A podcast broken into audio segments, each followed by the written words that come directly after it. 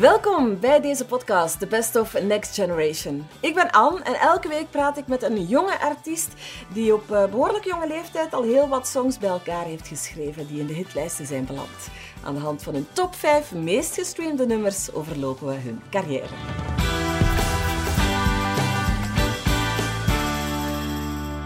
Vandaag in de Best of Next Generation Milo Meskes. Welkom Milo. Hallo. Hoe gaat het met u? Goed, ik ben blij dat de wereld terug een beetje op gang komt en dat we Ja. als eh, muzieksector terug wat meer werk hebben en terug wat meer mogelijkheden hebben. Dus ik ben eh, goed gestemd. Oké, ben ik blij te horen. Ehm, ja, de muzieksector is, gaat terug open. Hè. We kunnen terug live spelen. Je hebt dit jaar twee nieuwe singles op ons losgelaten, Full en Undershirt.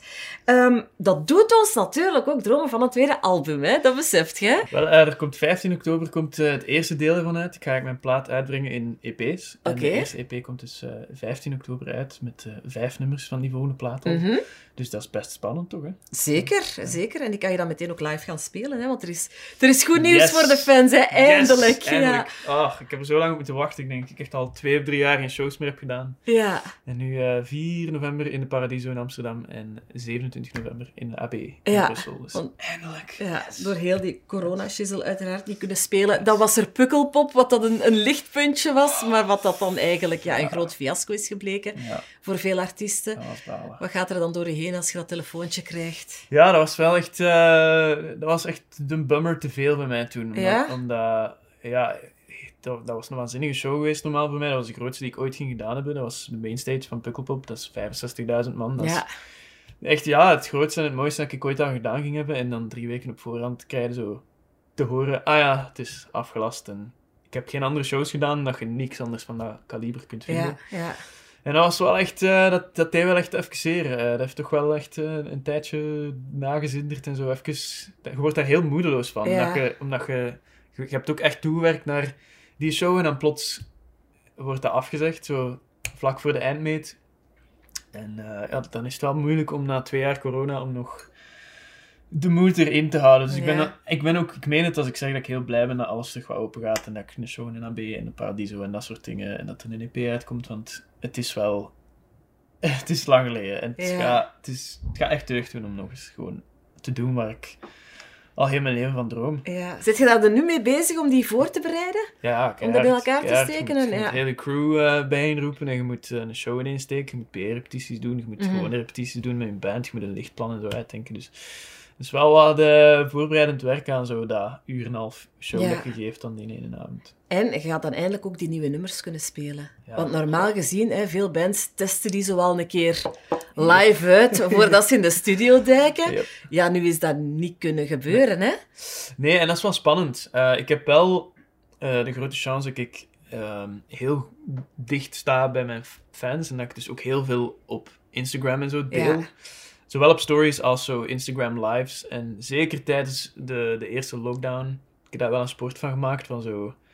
Oké, wat kan ik doen? Dat was, dat was ook een vraag bij mij. Van wat kan ik als muzikant doen in een wereldwijde crisis? Dat toch Ja. nog iets van nut heeft. En, en dan heb ik wel heel bewust heel veel livestreams. Zowel voor goede doelen als gewoon voor mijn eigen publiek gedaan. Om mensen een soort hart onder de riem te steken. Ja. Het voordeel daarvan is dat ik ook een hoop nieuwe songs kon gaan spelen en kon gaan testen. En dan merkte ook wel welke dat bijblijven bij mensen en welke niet. En welke dat... Als je 100 berichten krijgt over een, een stukje van 10 seconden, dan weet je, oké, dat is een goeie. Ja.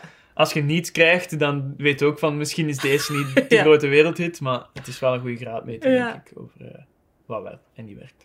Oké, we gaan het vandaag hebben over ehm, jouw vijf meest gestreamde nummers. Welke nummers gaan daarin staan? Kleine gok.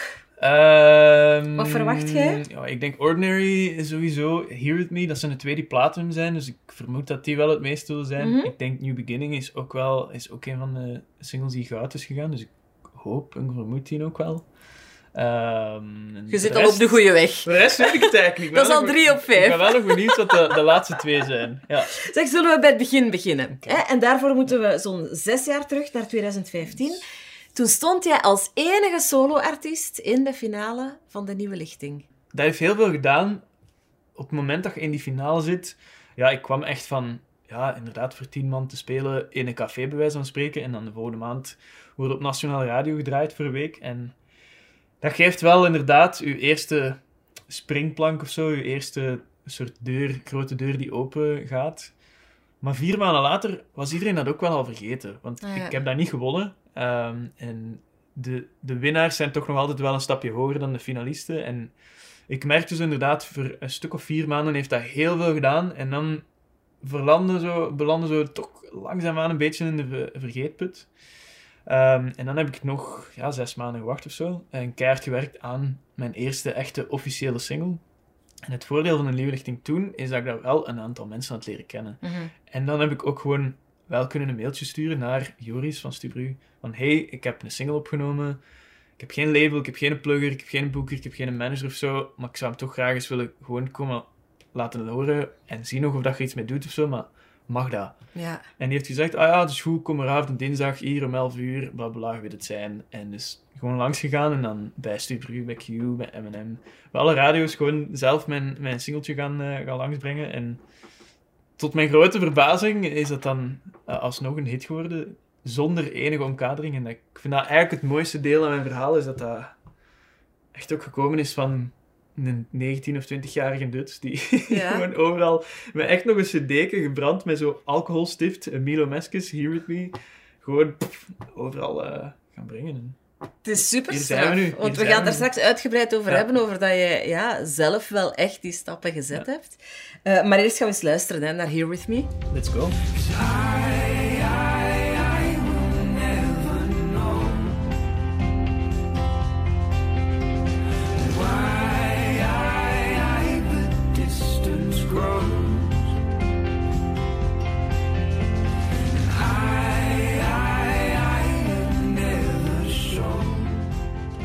Maar liefst 5 miljoen keer gestreamd, die Here With Me. Damn. Je gaat het zelf gaan pluggen, je hebt in eigen beheer uitgebracht.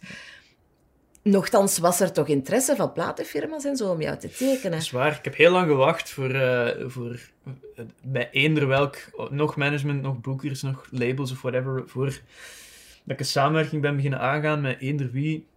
Heb ik altijd gewacht tot ik dacht, oké, nu heb ik zelf iets wat dat zij nodig kunnen hebben en dan kunnen ook veel beter onderhandelen. En dat klinkt heel financieel en heel doordacht en Dat is dan maar- heel ver van de naïeve Voilà, voilà. Dus nee, de harde kant- Er zaken zitten altijd wel twee kanten aan mij. Zo de Ja. heel naïeve, romantische kant en dan ook de heel nuchtere, zakelijke kant die dat ook weet. Als ik ga tekenen bij een label voordat ik zelf iets heb verwezenlijkt, ja, dan kunnen ze mij gewoon een beetje in het zak zetten en dan Ja. ga ik daar nog altijd gelukkig mee moeten zijn. Terwijl als, je, ja, als ik die eerste hit dan zelf wat eh, verwezenlijkt, dan staan ze wel allemaal een deur te kloppen. En Ja. dan kun je ook wel echt kiezen wie gaat er echt iets voor mij doen. En ik Mhm. heb toen eh, getekend bij Universal, waar ik nog altijd heel gelukkig mee ben, omdat dat ook mensen waren die echt wel gemotiveerd waren en ook altijd wel heel erg hun best hebben gedaan. Ja, wat hebben die dan op de tafel gelegd dat je zegt van... Oké, ja, hier ben ik oké mee.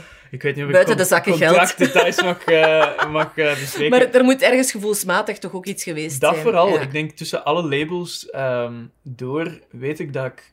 Zij waren ook een van de eerste die echt aan, eh, aan de deur zijn komen kloppen. En ik heb ook echt vijf keer hun gezegd, sorry, ik, heb, ik vind dit niet goed genoeg en ik vind nu nog niet de moeite. En ze zijn wel consequent blijven volhouden. En Mhm.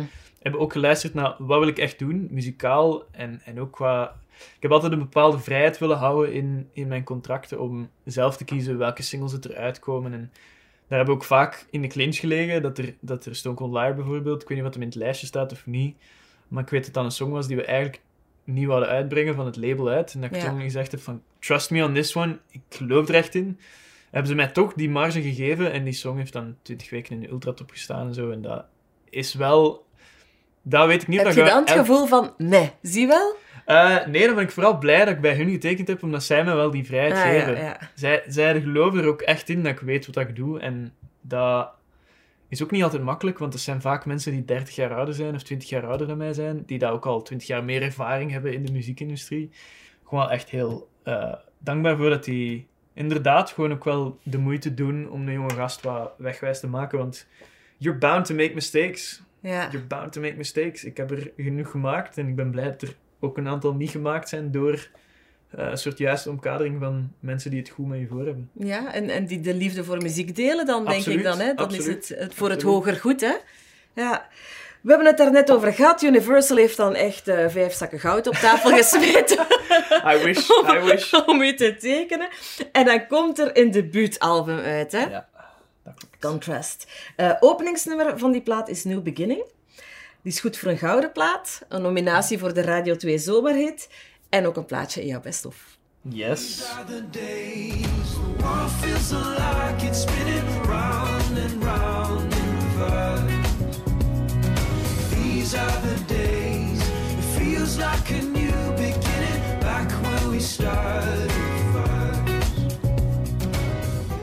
Ja, New Beginning is nog altijd, denk ik, een van die songs dat 80% van Vlaanderen of zo wel al eens gehoord heeft in hun leven. En als je the days... Mensen hebben dat wel onthouden of zo. En dat is denk ik wel de song geweest met het meest langdurige impact of zo. Ja, Ehm, dat was ook heel, heel tof, omdat ik de eerste twee maanden of zo heeft die song weinig gedaan, omdat ik echt kwam van een jaar na de eerste single. En dat werd zo wel wat op radio gespeeld, maar dat gevoelde zo, dat was niet... Dat leefde nog niet bij de mensen. En dan heb ik zo een, een promotourke gedaan van een maand, waar ik overal radioshows en voorprogramma's en dat soort dingen en kleine eigen showjes door heel Europa gaan doen ben.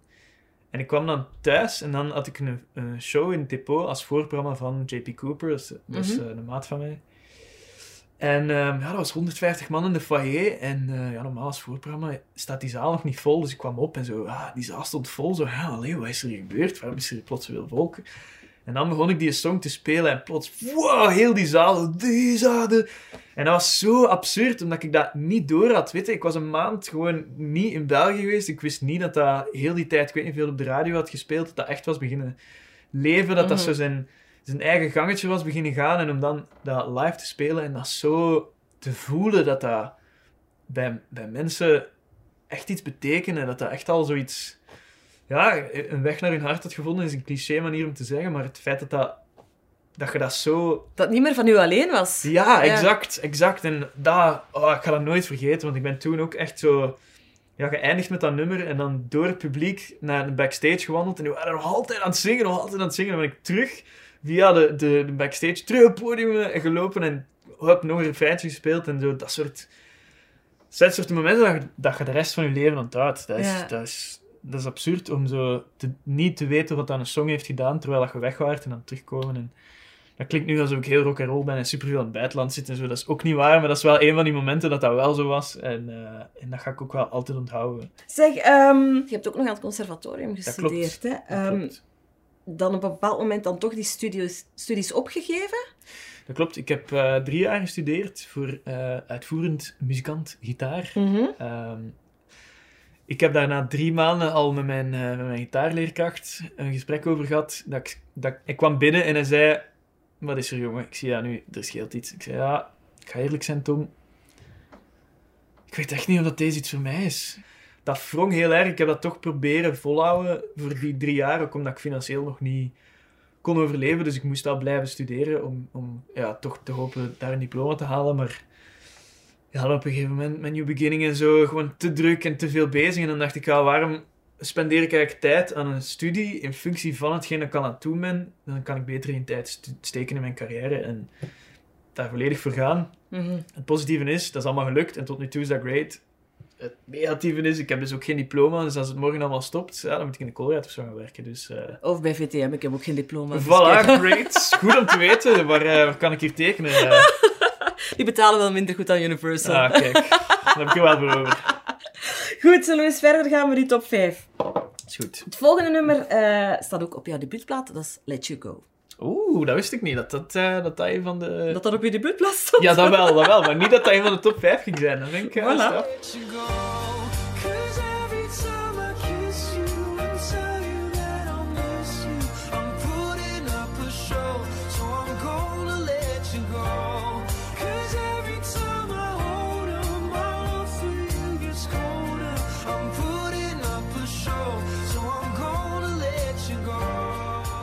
Let You Go gaat over eh, afscheid nemen van een geliefde. Dat klopt, dat klopt. Terugkerend thema bij jou, hè? ja, zeker Als wel. ik het zo hoor, is Zeker er toch wel. werk aan je liefdesleven. Maar dat is zo- zo'n soort eh, curve. Hoe beter dat mijn muziekcarrière gaat, hoe slechter dat mijn liefdesleven gaat. En ook omgekeerd, hoe slechter dat mijn liefdesleven gaat, hoe beter dat de songs worden.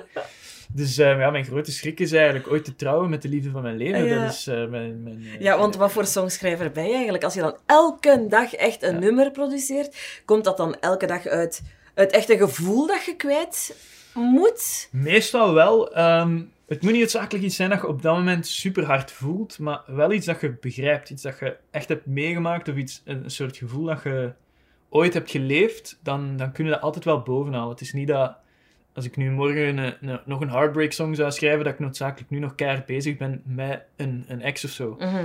Ehm, maar dat zijn wel dingen, je hebt die meegemaakt, dat is, dat is een soort deel van je verhaal geweest. En dat is gelijk alsof je een eigen hoofdstuk van je leven zo nog eens terug opnieuw leest en daar, en daar aantekeningen uit maakt of zo. Ik kan dat altijd terug dat hoofdstuk open doen en dan nog eens uit lezen en daar Mhm.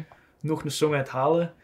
En dat kan over van alles gaan. Soms gaat dat over mijn leven, maar soms... Ik heb ook ooit eens een song geschreven over een, een waanzinnig rijke man die ik op café tegengekomen ben, die, dat, die had een lelijke frak aan, maar echt een lelijke frak van zo struisvogelleer. Maar die frak was 100.000 euro waard en dan tot drie uur whisky liggen, liggen eh, drinken met die mensen. En dan is dat eigenlijk ook bovengekomen dat hij doodongelukkig was, want die had gewoon niemand. Die had zeeën vol geld, maar die had eigenlijk niemand om dat mee te delen. En zo, dat vond ik dan ook heel inspirerend om een song over te schrijven. Dus Ja. alles en nog wat eigenlijk. Alles dat, alles dat iets losmaakt bij mij, kan ik dat ook vertalen naar iets dat hopelijk ook iets losmaakt bij de rest van de Ja. mensen. Maar het hoeft dus niet per se echt uw meest diepe zielenroerselen te zijn of uw meest persoonlijke dagboeknotitie. Of Eh. zijn het liefst klaar en duidelijk over iets wat dat je schrijft? Het, het kan ook soms wel heel diepe eh zielsroerselen zijn, dat absoluut wel. En, en dat zorgt er dan ook voor dat er heel veel triestige liedjes in mijn discografie zitten. Het volgende nummer, iets totaal anders, Ja. vind ik het. Ja. Maar ook uw meest persoonlijke nummer. Misschien wel. Had het over iemand gegaan die bekend was, dan eh, had het waarschijnlijk op alle covers van alle boekjes gestaan. dat deed nu ook wel al een beetje, moet ik toegeven. Dat had Ja. ik ook wel wat anders gehad. Ja, Ehm, want vertel eens voor de mensen die het niet, die het niet weten, wat het verhaal is achter het nummer. Eh, Ordinary is, ehm, is wel een van de nummers waar ik, waar ik het meest uh, goede herinneringen aan, aan heb of zo. Of een van de nummers die het dichtst bij mij ligt. Niet alleen voor negatieve redenen, maar ook voor positieve Mhm. redenen. Ik heb dat nummer samengeschreven met, met Reggie. En eh, Reggie is een van mijn beste maten. Je zou dat misschien niet verwachten, muzikaal. Maar ehm, wij komen keihard overeen. En wij, wij zijn al ja, samen naar, naar Spanje geweest. Samen een half maand naar Zuid-Afrika geweest en zo. En ik weet niet hoeveel songs samengeschreven. En, en dat is... eh, dat was eigenlijk een van de eerste keren dat wij... Wij hadden al één co-writer voor gedaan. En dat was instant zo... Ja, wij kenden elkaar niet. En toch binnen het half uur waren wij moppen aan het maken. En zo... Echt gewoon instant een klik. En waart jij dat die hem heeft opgezocht of omgekeerd? Nee, dat is eigenlijk nog wel een mooi verhaal. Eh, mijn manager kreeg plots een mail van zijn management van... eh, ja, Reggie wil heel graag met Milo schrijven, want elke keer dat hij op de radio een nummer hoort dat hem tof vindt, dat hem niet kent, en hij shazamt dan, is dat altijd die Milo-meskes. Dus hij zou heel graag zijn nummer schrijven met Milo. En we weten dat dat misschien eh, qua muziek een beetje te veel uiteen ligt of zo. Maar we willen toch de vraag stellen, want we zouden dat wel echt cool vinden. Ja. Dus ik dacht, ja, weet je, initieel ging ik dat ook gewoon over schrijven. En dat is ook iets dat ik wel veel doe, voor, niet alleen voor mezelf, maar ook voor andere eh, artiesten. Like, nu onlangs is Niels een plaat uitgekomen, daar staat een van de nummers op, daar heb ik op meegeschreven en eh meegespeeld. Camille en zo, en Reggie en a bunch of people. Ik moet niet gaan namedroppen, ik heb dat toch gedaan. Misschien maakt mij dat een beetje een lul, maar goed. Helemaal niet. Je mag the trots zijn op wat dat je doet. Uh, we continue the story. Ehm, hij, hij had dus gemaild en ja, ik kreeg die mail van mijn manager en ik dacht, ah, fuck it, we moeten dat toch gewoon doen. Dat gaat de max zijn, cool. En ik eh, ben dan tot bij hem gereden op zijn studio en inderdaad na een half uur mopjes liggen maken en om vier uur dus een fles champagne opengetrokken en zo. Instant bromance, instant bromance. Die song dat we toen geschreven hebben is een goede song, maar we voelden allemaal, ah, deze is hem nog niet. En dan een maand of zo later, of twee maanden later, ehm, ging Reggie sowieso al naar eh Timofey, dat is de producer die onlangs, eh, onder andere met eh, David Guetta en zo echt wereldsterren heeft gewerkt, tophast. Maar die woont in Spanje. En Reggie ging sowieso al naar daar en hij zei, ja, ik zou eigenlijk graag willen dat je meegaat, want ik geloof echt dat jij een supergoeie songwriter bent en ik denk dat wij echt iets cool kunnen maken daar. Ik dacht, awesome. Worst case scenario, ga ik gewoon gratis naar Spanje.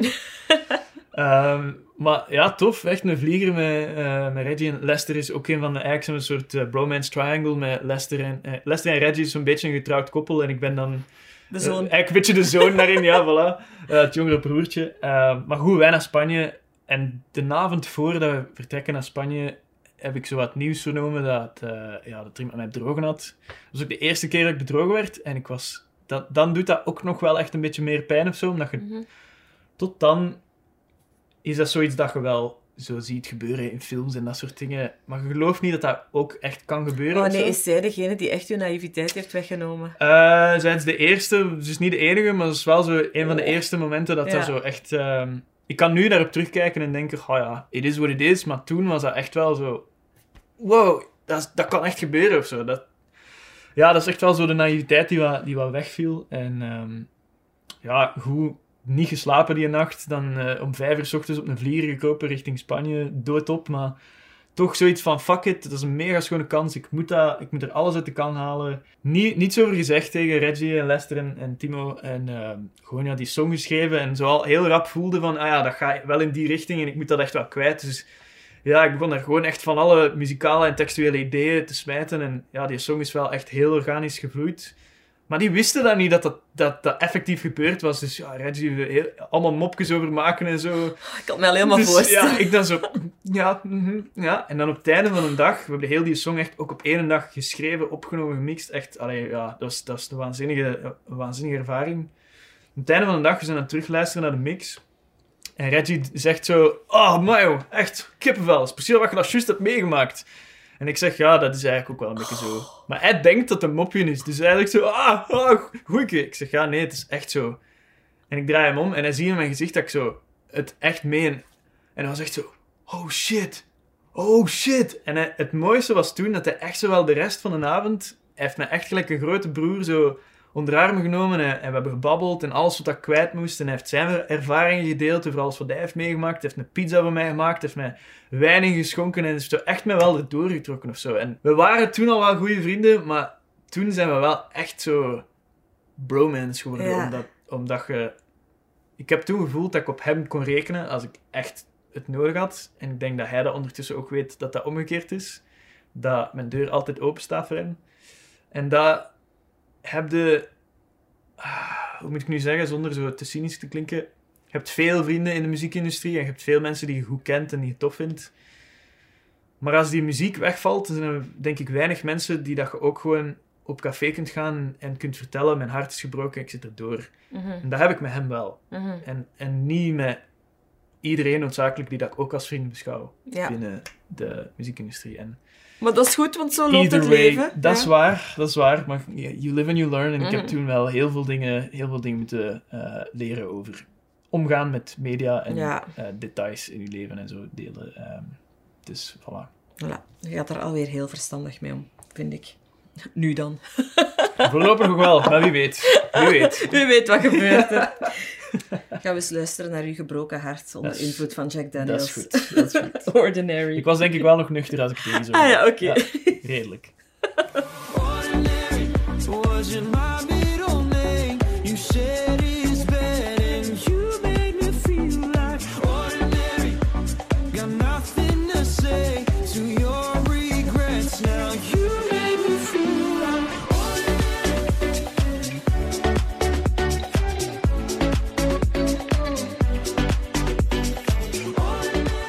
We zitten ondertussen al aan het laatste nummer van uw top 5. Dat is een nummer dat uitkwam in 2020. Oh, ja.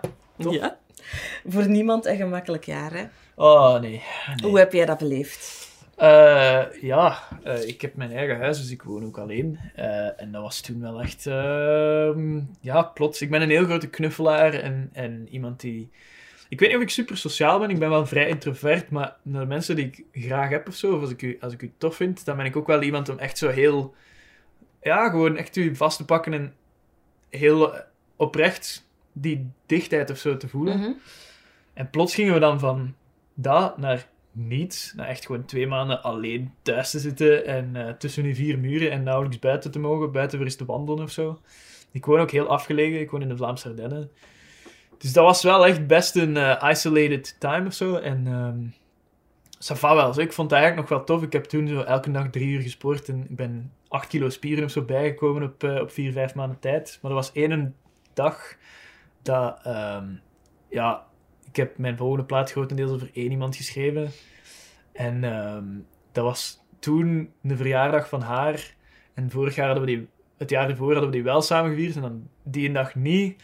En dat was zo, ah, dat was zo toen even een avond dat ik dacht, ah, dit, dit is pijnlijk om hier zo alleen thuis te zitten, terwijl ik weet dat zij niet met iemand anders die verjaardag aan het vieren is en zo. Oh. Eh, en toen heb ik ja, gewoon op Instagram zo een Instagram live van, kijk gasten, pff, ik heb even nood aan zo wat triestige muziek spelen vanavond, achter mijn piano gekropen en eigenlijk zo wat Alain Provis die song gemaakt op weer ja, een half uur of zo, met, met de mensen van de Instagram erbij. Ehm, je voelt hoeveel dat mensen daar wel echt aan konden relaten. En dat, Dan hebben we dat- het over When I Feel This Way, hè? Ik denk het. Ja, ja, ja, ja, maar ik had de titel niet vermeld, hè? Oké, ja, just to be sure, when. I feel this way. Ehm, en ik voelde gewoon instant, wat ik daarnet zei, Instagram is een heel goede graadmeter over...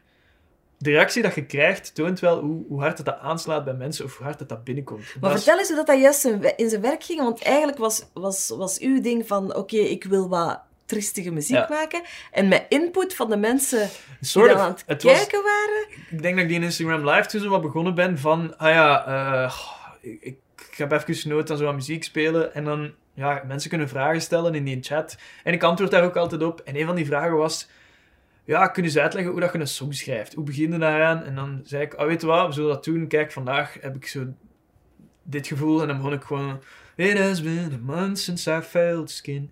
Dat en daar zo wat over verder riffen en dan one thing led to another en dan die song later wat afgemaakt eh, na de livestream, maar je voelde wel dat die, die eerste strofe, dat dat bij mensen zo zoveel deed, omdat die it has been a month since I felt skin. Ja. Ondertussen zijn we twee jaar later, maar toen was dat wel zo, oh, we zitten hier al een maand binnen en ik, eh, ik mag niemand vastpakken of knuffelen. Ik heb mijn maten al lang niet meer gezien, ik heb mijn ouders al lang niet meer gezien. Zo.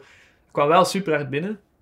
Dus heb ik dan ja, eh, de volgende dag een demo daarvan gemaakt, eigenlijk, dacht ik.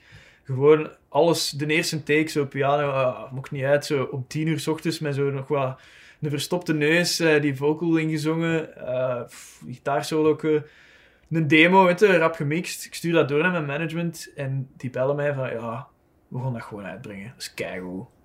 Punt. En dan effectief gewoon, ja, een week of zo later naar de radio's gebracht. En ik vind dat wel super chic, dat iets dat ik ook helemaal zelf gemaakt heb, opgenomen, gemixt, dat...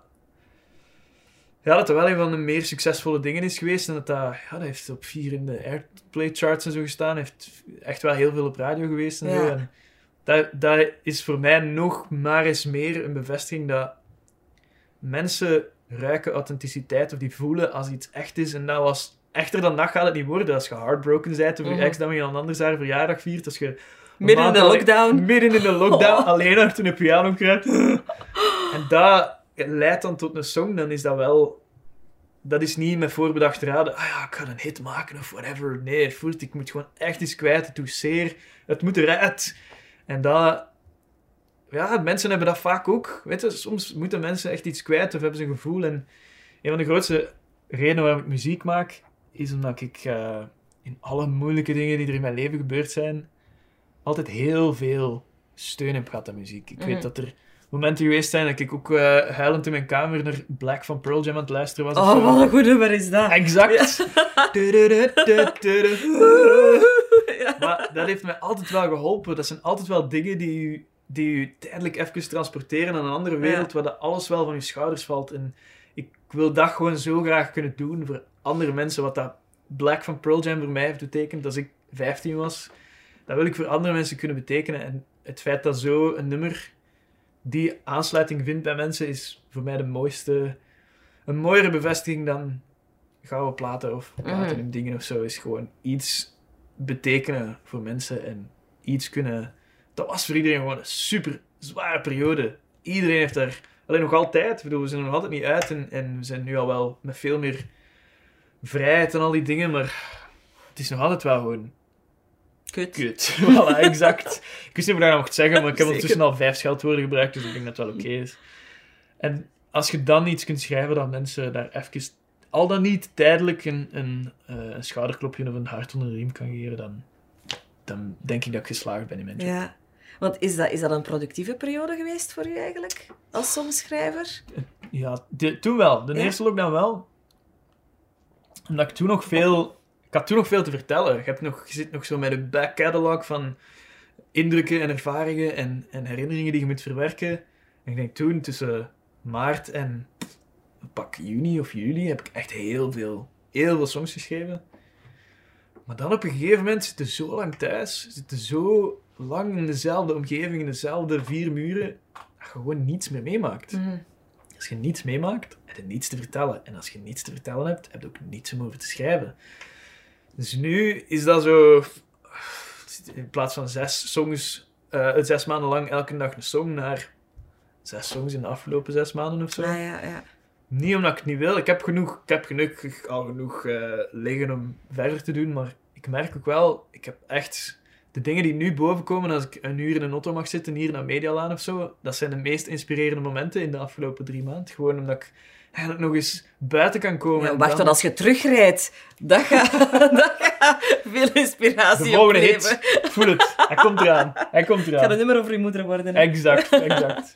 Nee, maar, maar ik heb daar net al even aangehaald, die nieuwe plaat die eraan komt, gaat dan eigenlijk ook weer ja, over één persoon. Is dan, neem ik aan, ook weer een break-up Eh, ja, plaat. was... eh, Heb je die dan in die periode helemaal bij elkaar geschreven? Ja, ik heb die echt wel... ehm, wa- f- dat is wat begonnen in eind 2018. Eh, rond de periode van Ordinary en zo ben ik begonnen met daar de, de eerste songs voor te schrijven. En dan tot ja, echt vorige zomer ongeveer echt wel een, een myriad of, eh, of songs over één persoon. En, en ook wel alle facetten van liefde of zo. Ook als, het, ook als het goed ging, ook als het mooi was, ook de opbouw en dan de, die inevitable downfall. Zo Het is eigenlijk een relaas van je relatie. Eigenlijk wel. Ja. Eigenlijk wel. Ehm, eigenlijk wel. Denk ik. En, en dat maakt het ook wel mooi dat het is alle kanten ook wel Ja. belicht of zo. Ja, Ehm, weet het zelf? oh. Eh, denk het niet. Ik denk het niet, maar ik neem aan dat als ze de moeite zou doen om Spotify te openen eens dat het uit is, dat ze wel vrij rap zal doorhebben. Ja, welke over haar gaat. Welke dat er over haar gaan. En Ja. Er, zijn, ook wel een aantal die niet noodzakelijk strikt over dat onderwerp gaan, maar de meeste zijn wel gerelateerd aan. mhm. Ehm, dus ik vermoed dat ze dat wel zal doorhebben. Dat... Er zijn ook weinig mensen die zo'n impact hebben gehad op mijn leven als zij. Ehm, toch zeker in de afgelopen jaren. Dus is, eh, er zijn weinig andere mensen die eh, kandidaat zijn om, eh, om dat te kunnen zijn. Zeg, maar dan vind ik wel, de, de, de, de vrouwen die je kunnen inspireren, als je later terugkijkt, zijn dat wel de muzes die Dat echt waar. dan de hele schone platen veroorzaakt hebben. Hè? Dat is waar. Helaas ook wel vaak over de minder mooie dingen die, die liefde teweeg Ja. brengt. Dus ik weet niet of dat je er trots kunt zijn op, het feit dat er een heartbreak song is. ja. geschreven over u. Ik weet dat niet. Ik vraag, ik vraag me dat oprecht af. Stel nu dat je iemand zijn of haar hart breekt en die schrijft daar een heel mooi nummer over. Niet dat ik zeg dat mijn nummers heel mooi zijn, maar just in case. Een heel mooi nummer en dat wordt een hit.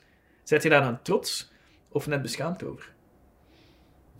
Als je in de, in de positie bent om het haar te vragen, zou ik het zeker eens doen. Maar misschien ga- moet je nog even wachten. Ik denk dat we daar nog even mee wachten. Ik denk dat we daar nog even mee gaan wachten. Oké, we- we gaan eens luisteren naar dat nummer dat, dat eigenlijk voor veel jongeren zo herkenbaar was in die lockdownperiode. Hè. Ehm, het is ook meteen het laatste nummer hier in uw best of. Jammer. jammer. When I Feel This Way. When I feel this way on the lonely days, when I feel this way on the lonely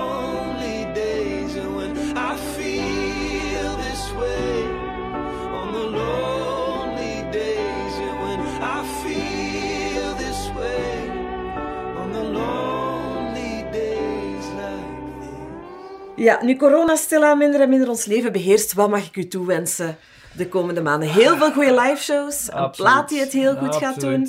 Goede singles in de ultraptop die hits worden. Alles, gewoon zoveel mogelijk muziek maken op zoveel mogelijk plaatsen. Nationaal, internationaal. Het mocht niet uit. Als ik maar gewoon muziek mag maken, dan ben ik altijd de gelukkigste versie van mezelf. Ja. Dus ik hoop gewoon dat dat eindelijk terug een beetje mag. Snelle vraag om af te ronden, on top of mind. Het eerste wat in u opkomt, als je met iemand mocht samenwerken het volgende jaar. John Mayer, altijd. John Mayer, altijd. Oké, perfect. Goed. Volgend jaar Pukkelpop? Let's hope so. Ja? Knock on wood. goed. En dan ondertussen nog een vakantie met Reggie in Zuid-Afrika ertussen steken. Het is geleden dat ik hem gezien heb. Ja. Voilà. Goed. Super, merci om langs te komen. Merci dat ik mocht langskomen. Bedankt ook aan alle kijkers en luisteraars om de podcast te volgen. Elke week neem ik een bekende artiest onder de loep en overlopen hun muzikale carrière aan de hand van hun top 5 meest gestreamde nummers. Tot de volgende keer.